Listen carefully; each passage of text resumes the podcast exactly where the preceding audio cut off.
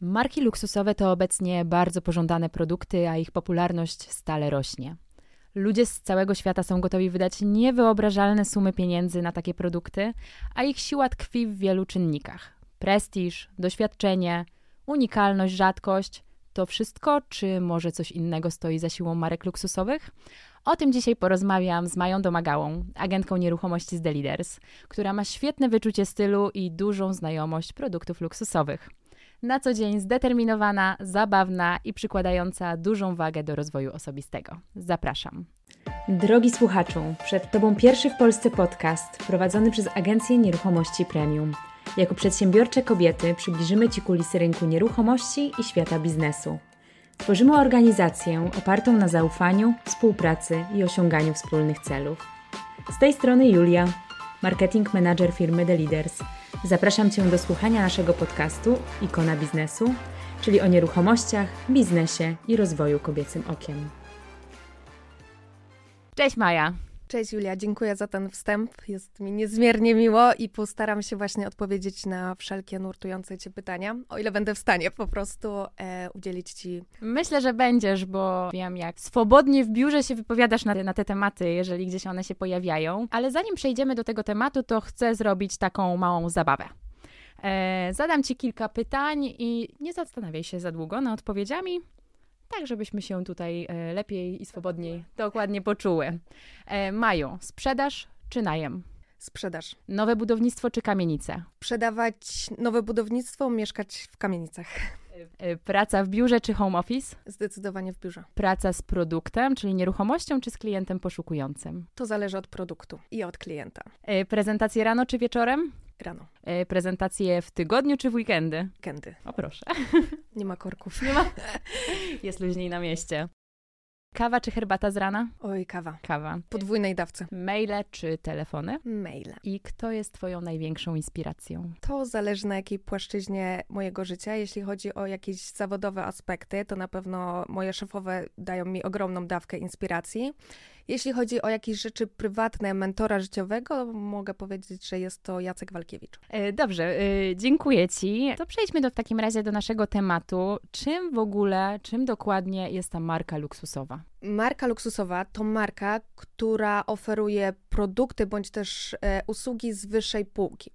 I na jakby składową po prostu tej marki dochodzi nam właśnie jakość tych produktów, jej ekskluzywność, jej dostępność które odróżniają tę markę od, no po prostu od innych dostępnych na rynku.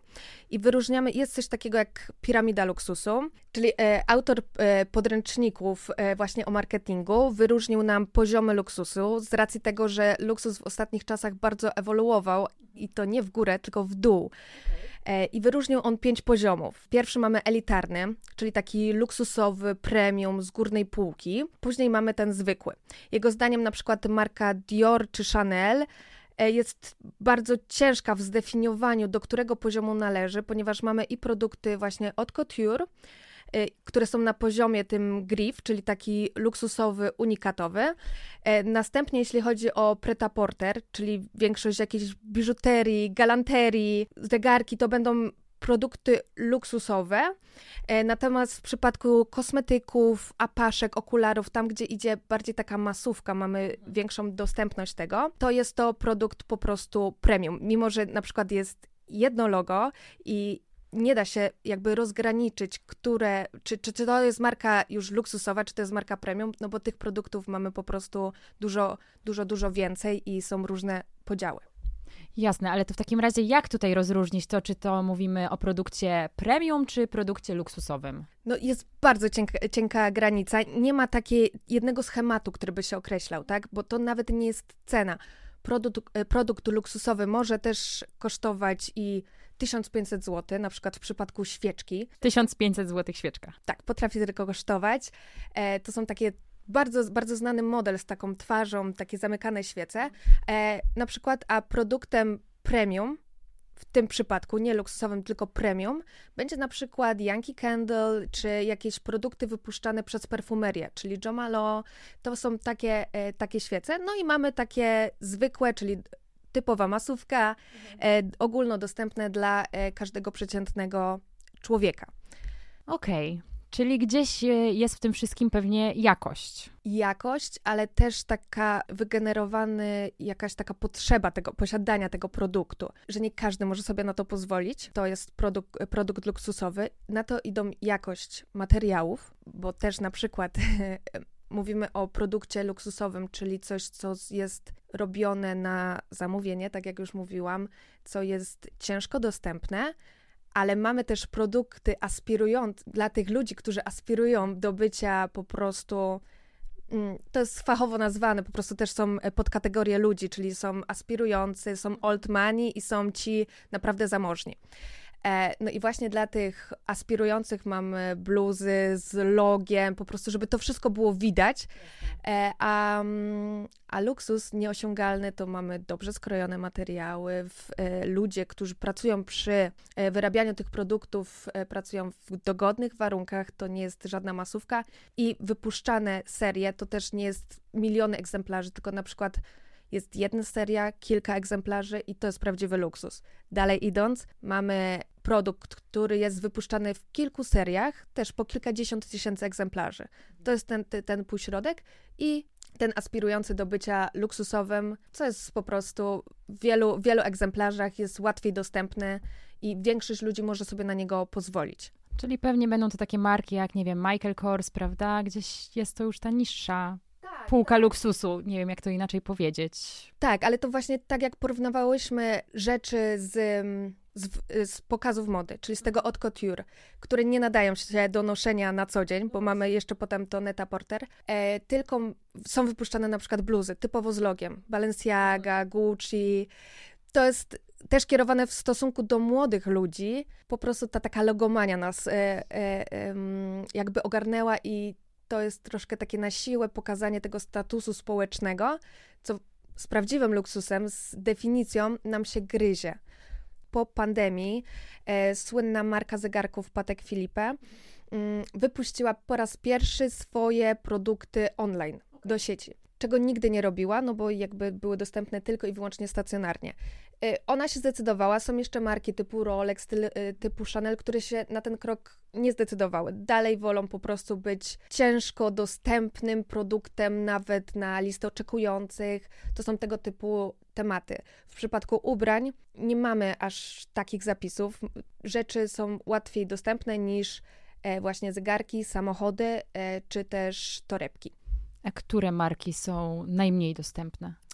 Najmniej dostępne, jeśli chodzi o torebki, no to na pewno będzie to Hermes, na którego można czekać nawet e, dwa lata. E, co śmieszne, e, w, przez ostatnie kilkadziesiąt lat e, wartość tej torebki wzrosła o 500%. E, I na aukcjach zostały sprzedane torebki w granicach 2 milionów złotych. To była jakaś specjalna skóra wysadzana specjalnymi diamentami. 2 miliony e, złotych płaci się za torebkę Hermesa. I ludzie to kupują to śmieszne, bo też spotkałam się z taką klientką, z którą szukałam nieruchomości, która mi powiedziała, że ona inwestuje właśnie w torebki, że jej się to opłaca, że kupuje teraz, będzie sprzedawała za kilka lat, kiedy ta cena jeszcze wzrośnie, ponieważ też co roku E, te wielkie koncerny, wielkie marki mają podwyżki cenowe. Czyli dajmy na to, 10 lat temu za Chanel zapłacilibyśmy dużo mniej niż płacimy teraz za nową torebkę. Więc tutaj ten produkt vintage, on zyskuje na wartości. To jest inaczej w niż w przypadku choćby nieruchomości.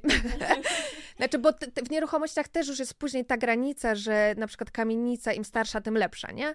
E, tak jest podobnie właśnie z wielkimi projektami typu Birkin, typu Kelly od Hermesa, typu Chanelkami. Chanelkami, tak. Chanelki to sama widziałam, że faktycznie te vintage potrafią iść za duże, naprawdę duże pieniądze.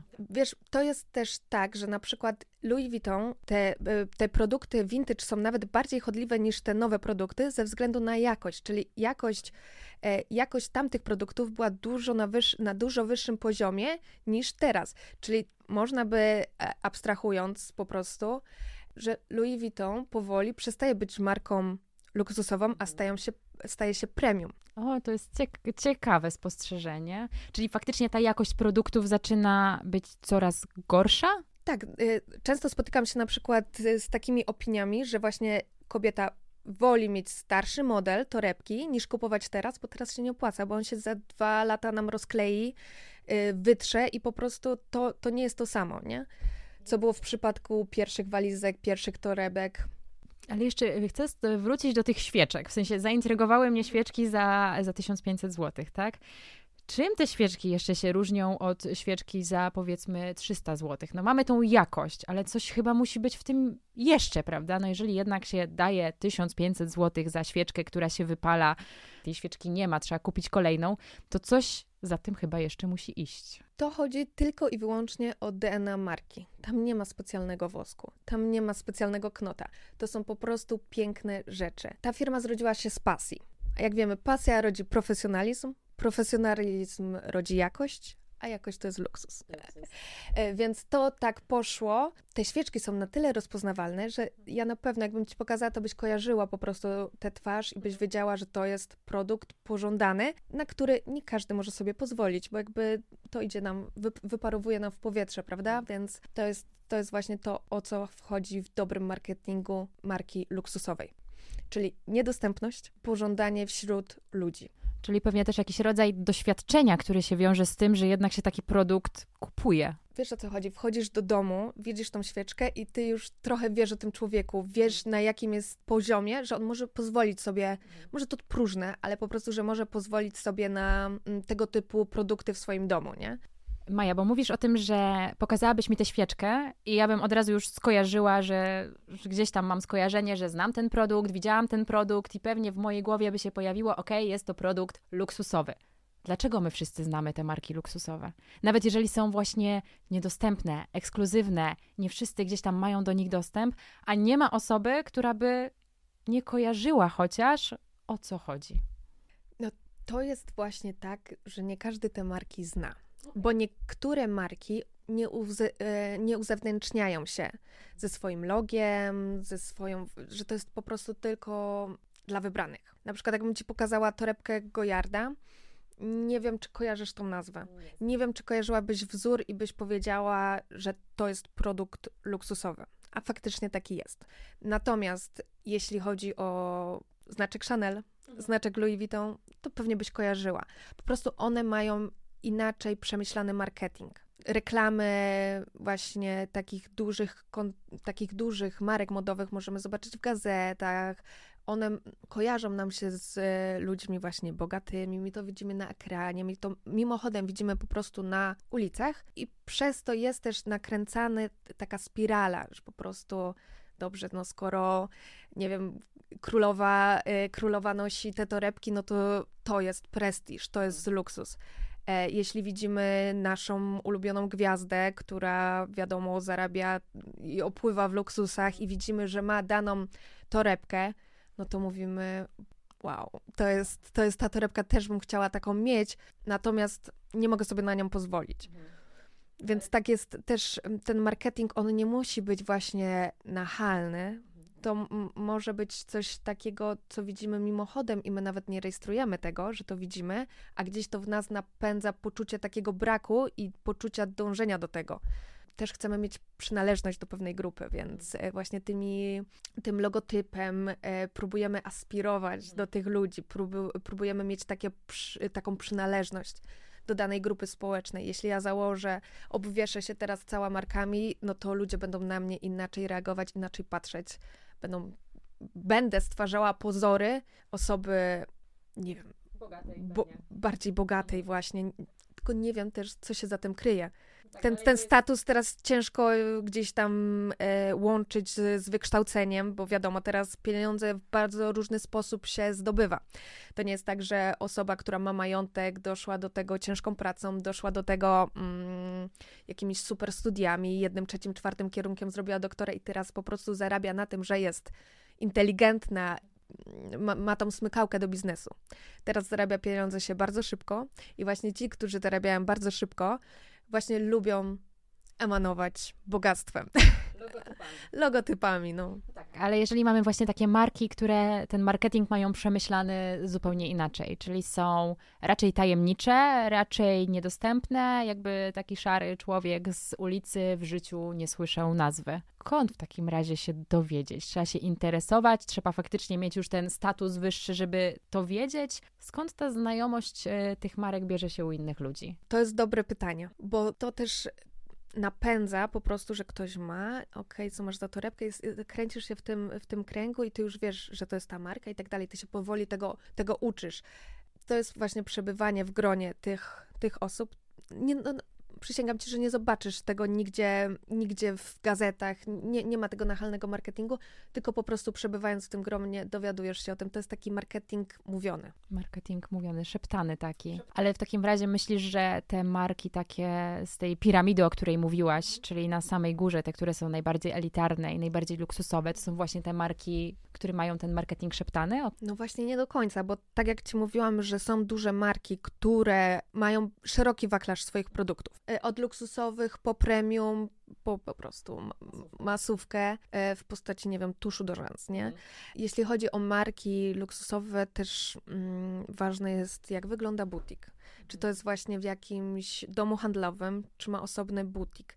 U nas w Polsce nie ma butików. Je, mamy tylko jeden dom handlowy i mamy osobny sklep e, właśnie Hermesa z ograniczoną jakby dostępnością. Mimo, że ceny mamy nadal na poziomie europejskim, Polacy wolą jechać sobie do Berlina, wolą jechać sobie właśnie na zachód, żeby tam robić zakupy, no bo u nas nie ma tego wyboru. Nie ma wyboru, nie ma butików, nie ma tego jeszcze luksusu wprowadzonego.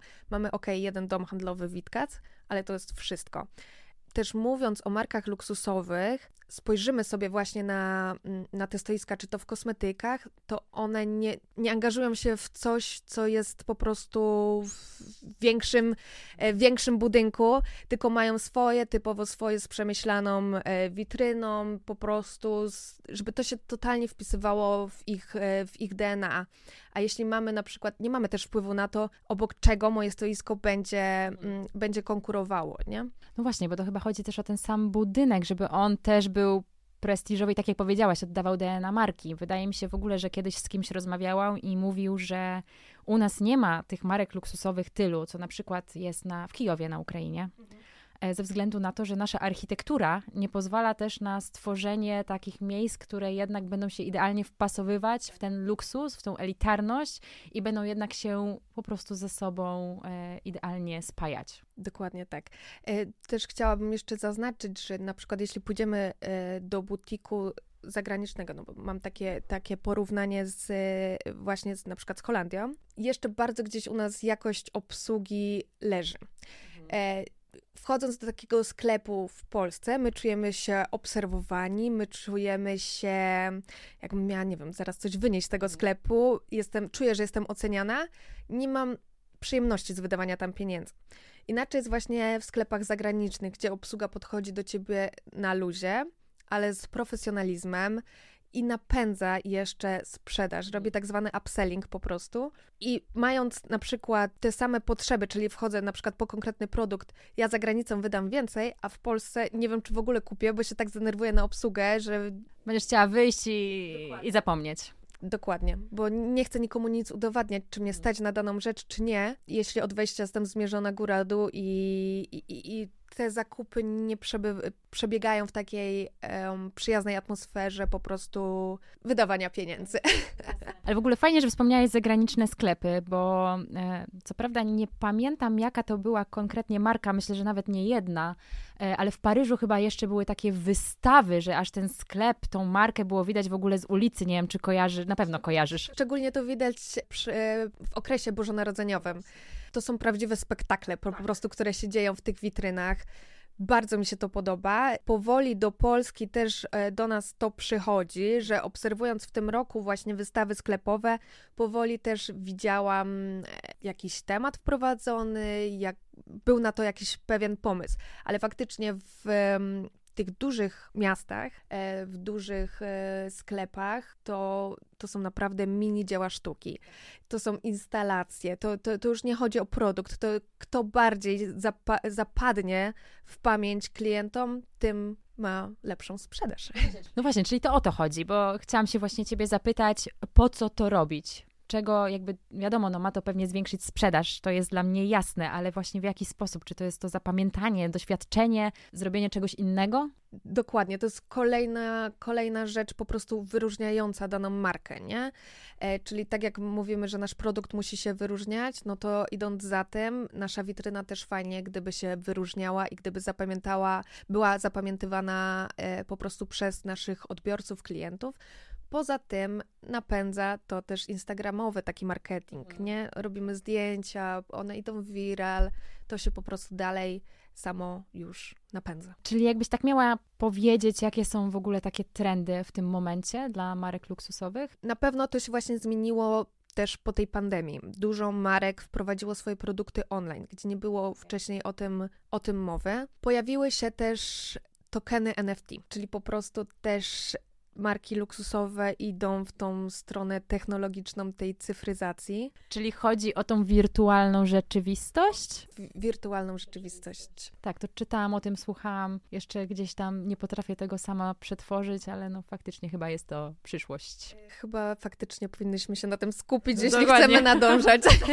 dokładnie. Czyli to jest jeden z trendów. Czy coś jeszcze jesteśmy w stanie zaobserwować na ten moment? Kolejnym trendem, który widzimy właśnie, jakie stosują marki luksusowe, jest to uderzenie w target generacji tego naj, najmłodszego. To już na, na przestrzeni kilku lat mogliśmy to za, zaobserwować, na przykład kiedy przechodzi też nowy dyrektor kreatywny, e, w tym przypadku na przykład chcę powiedzieć teraz o Gucci, kiedy przyszedł e, Alessandro Michel, totalnie zmienił koncepcję firmy, czyli przestało być to utożsamiane z kobietami po czterdziestce, z, właśnie z tym targetem, tylko on chciał odmłodzić, czyli po prostu marketing był nastawiony na młodych.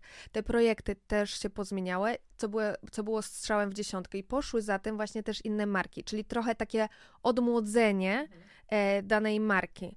E, mieliśmy też ten trend praszczania nazw, czyli po prostu kiedyś mieliśmy wymyślne Yves Saint Laurent, teraz mamy Saint Laurent. Kiedyś mieliśmy Celine inną czcionką, teraz jest jak najprostsze, czyli uproszczamy nazwy, bardziej celujemy w ten młody, młody target, który będzie po prostu przyszłością i oni już zaczynają wydawać, a po prostu będą tylko i wyłącznie coraz, e, coraz więcej, więc taka mm, powiew takiej świeżości też nastąpił w tych w tych markach. To nie jest zarezerwowane tylko dla, dla starszych ludzi, no ale wiesz, dlaczego też to jest tak przemyślane? No po, ponieważ teraz ci młodzi ludzie zarabiają coraz więcej. Czyli to jest to, o czym mówiłam, że nie trzeba skończyć dziesięcioletnich studiów, nie trzeba później pracować 16 lat, żeby dorobić się większych pieniędzy to wszystko idzie ku odświeżeniu, ku wiośnie, ku e-commerce, NFT i tak będzie właśnie teraz wyglądał świat marek luksusowych.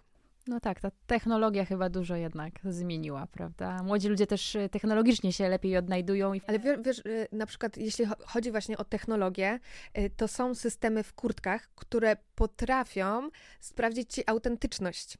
Czyli mamy Certi logo, taki kod QR, który należy do konkretnej kurtki i jeśli on ci się zeskanuje, przejdzie na stronę do tego konkretnego modelu, no to wiadomo, że to jest autentyczny produkt. Oczywiście te Certi loga też mogą być podrabiane, ale to naprawdę już trzeba mieć bardzo dużą wiedzę, żeby taki kod QR gdzieś tam e, pod, podrobić, ale faktycznie takie systemy weryfikacji na ubraniach też się, e, też się pojawiają. A to nawet o tym nie wiedziałam. Wiem, że są, jest milion artykułów w internecie, jak rozpoznać, czy torebka Chanel jest oryginalna, czy nie, ale to trzeba faktycznie się w ten temat zagłębić i dużo poczytać i też mieć dużą świadomość, żeby jednak to potrafić rozróżnić. Ale są też na przykład wielkie strony, które z, skupują używane produkty.